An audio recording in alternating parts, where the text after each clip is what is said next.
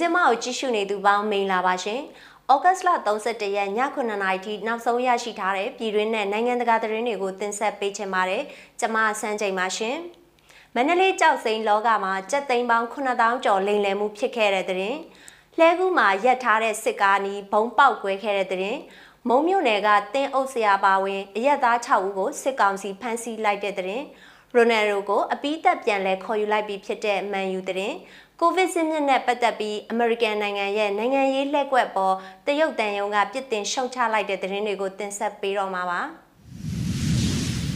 မန္တလေးမြို့ရဲ့ကြောင်းမြက်ရောင်းဝယ်ရေးလုပ်ငန်းရှင်တွေစီကနေငွေကျပ်သိန်းပေါင်း9000ကျော်လိမ်လည်မှုကြီးလွန်ခဲ့တဲ့သတင်းပတ်ကဖြစ်ပွားခဲ့ပါတယ်။ကြောက်စိန်ဝိုင်းတွင်နာမည်ကြီးဒူဝင်ကြောင်းမြက်ရောင်းဝယ်ရေးလုပ်ငန်းရဲ့သားဖြစ်သူကလိမ်လည်သွားတာလို့သတင်းရင်းမြစ်တွေကမြစ်စမကိုပြောပါတယ်။ ချမ်းအေးတာဆန်မြို့နယ်မှာငှားရမ်းဖွင့်ထားတဲ့ဒူဝင်ကြောင်းမြက်ရောင်းဝယ်ရေးဆိုင်ခန်းမှာလိမ်လည်မှုကျူးလွန်ခဲ့တာလို့လည်းသိရပါဗျ။ဆိုင်ခန်းပိုင်ရှင်ကပစ္စည်းအရင်ပေးပြီးတော့ငွေကိုတော့တရက်နှစ်ရက်စောင့်ပေးပါအောင်ဆိုပြီးပစ္စည်းတွေယူပြီးပြေးသွားတာလို့သိရတယ်။အခုသိရတဲ့လောက်ဆိုသိန်းပေါင်း9000ကျော်တယ်။လက်ကောက်တွေရောပတိတွေရောလူအများကြီးစီကပါသွားတယ်လို့ကြောင်းမြက်လုပ်ငန်းရှင်တဦးကပြောပါတယ်။ လိမ်လည်မှုပြုလုပ်တယ်လို့ဆွဆွဲခံရသူဟာမန္တလေးမြို့ကနာမည်ကြီးဟာတာဗီဒီယိုရိုက်ကူးရေးမှာတရုတ်ဆောင်လုပ်ခဲ့ဘူးသူဖြစ်ပါတယ်။များတယ်တိတာနှစ်ရက်လောက်ရှိပြီးသူတို့ကသတင်းမတင်ပါနဲ့ဆိုပြီးကြိတ်လိုက်နေကြတာအခုတော့တိကုံကြပြီလေစဖြစ်တဲကသာသတင်းတွေပြန်ရင်အချိန်မီအုံမိနိုင်သေးတယ်လို့ကြောက်မြတ်လုပ်ငန်းရှင်တဦးကလည်းဆိုပါတယ်။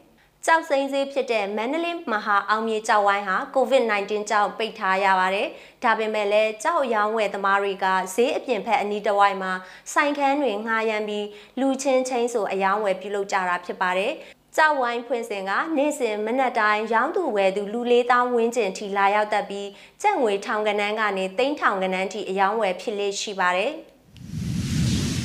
ရန်ကုန်တိုင်းဒေသကြီးလှဲကူးမြို့နယ်ကလမ်းမကြီးပေါ်ရပ်ထားတဲ့စစ်ကားငယ်နီးဘုံပေါက်ကွဲမှုတစ်ခုဒီကနေ့မနက်ပိုင်းမှာဖြစ်ပွားခဲ့ပါတယ်။ပောက်ကွဲမှုဖြစ်ခဲ့တဲ့စစ်ကားဟာလှဲကူးမြို့နယ်ပြည်တော်သားရက်ကွက်အလဲပိုင်းမင်းလမ်းမပေါ်မှာရှိတဲ့ Star မောင်မောင်ဆိုင်နားမှာရပ်တန့်ထားချိန်မနက်10:00နာရီကျော်လောက်မှာဖြစ်ခဲ့တာပါ။စစ်ကားကအဲ့နားမှာရပ်ထားတာတိတ်မကြဘူးထပေါက်တာအတန်တော်တော်ကျဲတယ်လို့ဒေသခံတဦးကပြောပါတယ်။ လိုင်းလက်ပုံစံစစ်ကားအသေးပောက်ကွဲတာဖြစ်ပြီးရင်ပေါ်မှာစစ်ကောင်စီတပ်ဖွဲ့ဝင်တချို့ပါဝင်တယ်လို့သိရပြီးထိခိုက်ဒဏ်ရာရသူဘယ်လောက်ရှိတယ်ဆိုတာကိုတော့မသိရှိရသေးပါဘူးရှင်။ပဲခူးတိုင်းဒေသကြီးညောင်လေးပင်ခရိုင်မုံမြို့နယ်မှာရှိတဲ့ရေလဲကြေးရွာကဒေသခံ6ဦးကိုအာနာသိန်းစစ်ကောင်စီတပ်ဖွဲ့ဝင်တွေကဒီကနေ့မနက်ပိုင်းမှာဖမ်းခေါ်သွားတယ်လို့ကရင်အမျိုးသားအစည်းအရုံးကထုတ်ပြန်ထားပါတယ်။ တင်းအုပ်ဆရာဆရာမိုးဆက်အပါဝင်စောကပရူစေစောထေးလွင် ကိုမင်းမင်းဦးမြင့်ရွှေနဲ့စောကပရူထူးတို့6ဦးကိုစစ်ကောင်စီလက်အောက်ခံခမရ394တပ်ရင်းရဲ့ဗိုလ်ကြီးအဆင့်ရှိသူဇေယလင်းကဥဆောင်ပြီးဖမ်းသွားတာလို့သိရပါတယ်။ အဖမ်းခံရသူတွေကိုစစ်ကောင်စီကစစ်ဆေးမေးမြန်းပြီးနောက်မှာတင်းအောင်စရာစောမိုးဆက်ကိုအသက်ကြီးတဲ့အတွက်ပြန်လွတ်ပေးလိုက်ပေမဲ့ကြံ9ယောက်ကိုတော့စစ်ဆေးမေးမြန်းပြီးရင်ပြန်လွတ်ပေးမယ်ဆိုပြီးနတ်တန်ကွင်းကျေးရွာဘက်ကိုခေါ်သွားတယ်လို့သိရပါတယ်ရှင်။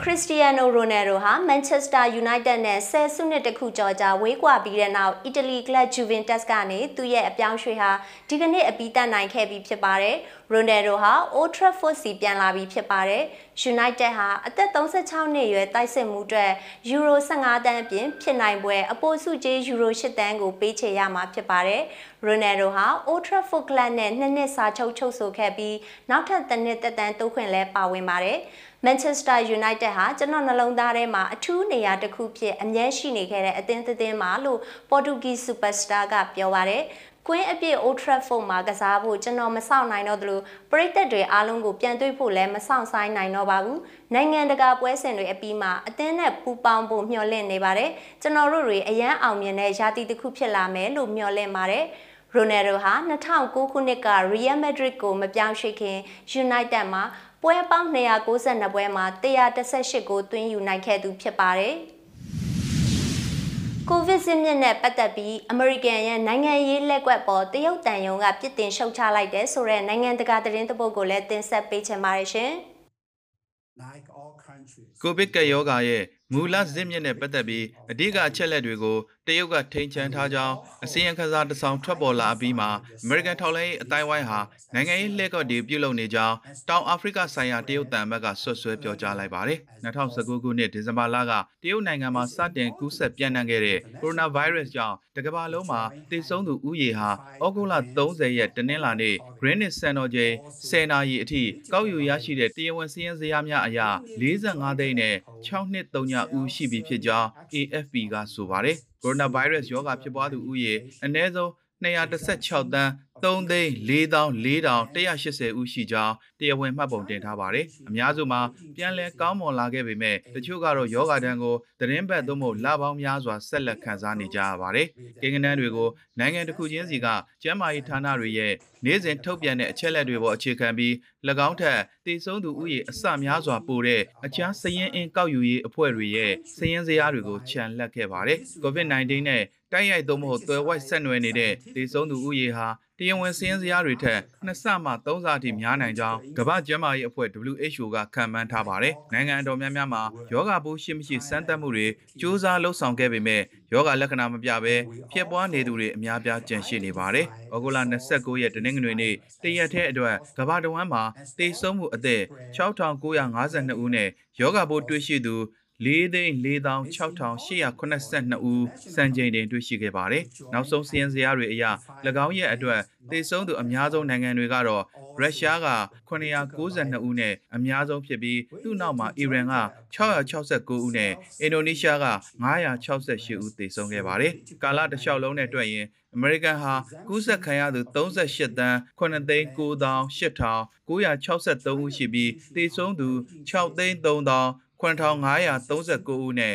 အဆိုးဝါးဆုံးထိခိုက်ခံစားခဲ့ရတဲ့နိုင်ငံဖြစ်ပါတယ်။သူရဲ့နောက်မှာတော့ဘရာဇီးကကူးစက်ခံရသူ20.8တန်းကျော်မှာတေဆုံးသူ9,998ဦး၊အိန္ဒိယကကူးစက်ခံရသူ32.8တန်းကျော်မှာတေဆုံးသူ4,3810ဦးမက္ကဆီကိုကကူးစက်ခံရသူ3.3တန်းကျော်မှာသေဆုံးသူ2,58,165ဦးနဲ့ပီရူးကကူးစက်ခံရသူ2.1တန်းကျော်မှာသေဆုံးသူ3,9,8169ဦးတို့အသီးသီးဖြစ်ကြပါတယ်။လူဦးရေနဲ့နှိုင်းယှဉ်မှာကသေဆုံးနှုန်းအမြင့်ဆုံးအဖြစ်ပီရူးနိုင်ငံကလူဦးရေတသိန်းမှာသေဆုံးသူ600ဦးနှုန်းရှိပြီးသူ့နောက်မှာဟန်ဂေရီက312ဦးနှုန်းဘော့စနီးယားဟာဇီဂိုဗီနာက298ဦးနှုန်းချက်သမ္မတနိုင်ငံက284ဦးနှုန်းမြောက်မက္ကဆီဒိုးနီးယားသမ္မတနိုင်ငံက282ဦးနှုန်းနဲ့မွန်တီနီဂရိုက283ဦးနှုန်းအသီးသီးအမြင့်ဆုံးဖြစ်ကြပါတယ်။လက်တင်အမေရိကနဲ့ကရေဘီယံမှာယောဂကူးစက်ခံရသူ4.3တန်းကျော်မှာ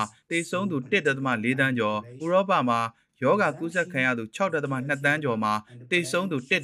တန်း အာရှမှာယောဂကူးစက်ခံရသူ4.9တန်းကျော်မှာသေဆုံးသူ9သိန်း9000ကျော်အသီးသီးဖြစ်ကြပါတယ်။အာဏာပိုင်အသီးသီးရဲ့အမားပြင်ဆင်ချက်သုံးဖို့အချက်လက်ထုတ်ပြန်မှုနောက်ကျခြင်းကြောင့်ပြီးခဲ့တဲ့24နာရီအတွင်းအသစ်ပြင်ဆင်မှုအချက်လက်တွေဟာပြီးခဲ့တဲ့ရက်ကစီးရင်စရာတွေနဲ့တစ်ထက်တည်းမကြတာမျိုးရှိနိုင်ပါတယ်။ကမ္ဘာပေါ်ကတခြားနိုင်ငံတွေနီးတူတရုတ်ကလည်း COVID-19 ရဲ့တားကောင်ဖြစ်ခဲ့ရပါတယ်။ဒါကြောင့်ဒီ virus ရဲ့ရင်းမြစ်ကိုအများဆုံးဖော်ထုတ်ပြီးကူးစက်မှုကိုအများဆုံးရပ်တန့်နိုင်ဖို့ မျှော်လင့်ထားပါတယ်လို့တောင်အာဖရိကနိုင်ငံဆိုင်ရာတရုတ်တန်မတ်ကြီးချမ်းရှောင်းတောင်ကဆိုပါတယ်နိုင်ငံတကာအတိုင်းဝိုင်းအနေနဲ့အတူလက်တွဲပြီး COVID-19 virus ကိုသာမကနိုင်ငံရေး virus ကိုပါတိုက်ဖြတ်ဖို့အရေးကြီးပါတယ်။ American ရဲ့နိုင်ငံရေးအရာလှည့်ပြားပြီးကိုကြိုးရှာတဲ့အပြစ်ရှာခြင်းနဲ့အပြစ်လွှဲချခြင်းလုပ်ရက်တွေကိုစန့်ကျင်ဖို့လိုတယ်လို့သူကဆိုပါတယ်။ virus ရင်းမြစ်ရှာဖွေဖော်ထုတ်မှုနဲ့ပတ်သက်ပြီးတရုတ်ရဲ့ရည်ရည်ချက်ကရှင်းလင်းပြီး တသက်မှတ်တည်းရှိပါတယ်။ဒါကိုပွင့်လင်းမြင်သာစွာနဲ့သိပ္ပံနည်းကျအတူတကွပူးပေါင်းဆောင်ရွက်လိုတဲ့သဘောထားရှိပါတယ်လို့သူကဆိုပါတယ်။ virus ရဲ့မူလဇင်းမြစ်ရှာဖွေမှုကသိပ္ပံပညာရဲ့ဆိုင်ရာလုပ်ငန်းတစ်ခုဖြစ်ပါတယ်။အသက်တွေအပေါ်လစ်လျူရှုဖို့သိပ္ပံပညာအပေါ်နိုင်ငံရေးအမျက်ထုတ်ဖို့နဲ့နိုင်ငံရေးကိုကြိုးရှာမှုအတွက်တခြားနိုင်ငံတွေကိုရုံးထင်းကြောင်းထင်းထင်စေတာမျိုးဘယ်နိုင်ငံမှလုပ်ဖို့အခွင့်အရေးမရှိပါဘူးလို့ပြောလိုပါတယ်လို့တောင်အာဖရိကနိုင်ငံဆိုင်ရာတရုတ်တမ်းမတ်ကြီးချန်ရှောင်းတောင်ကဆိုပါတယ်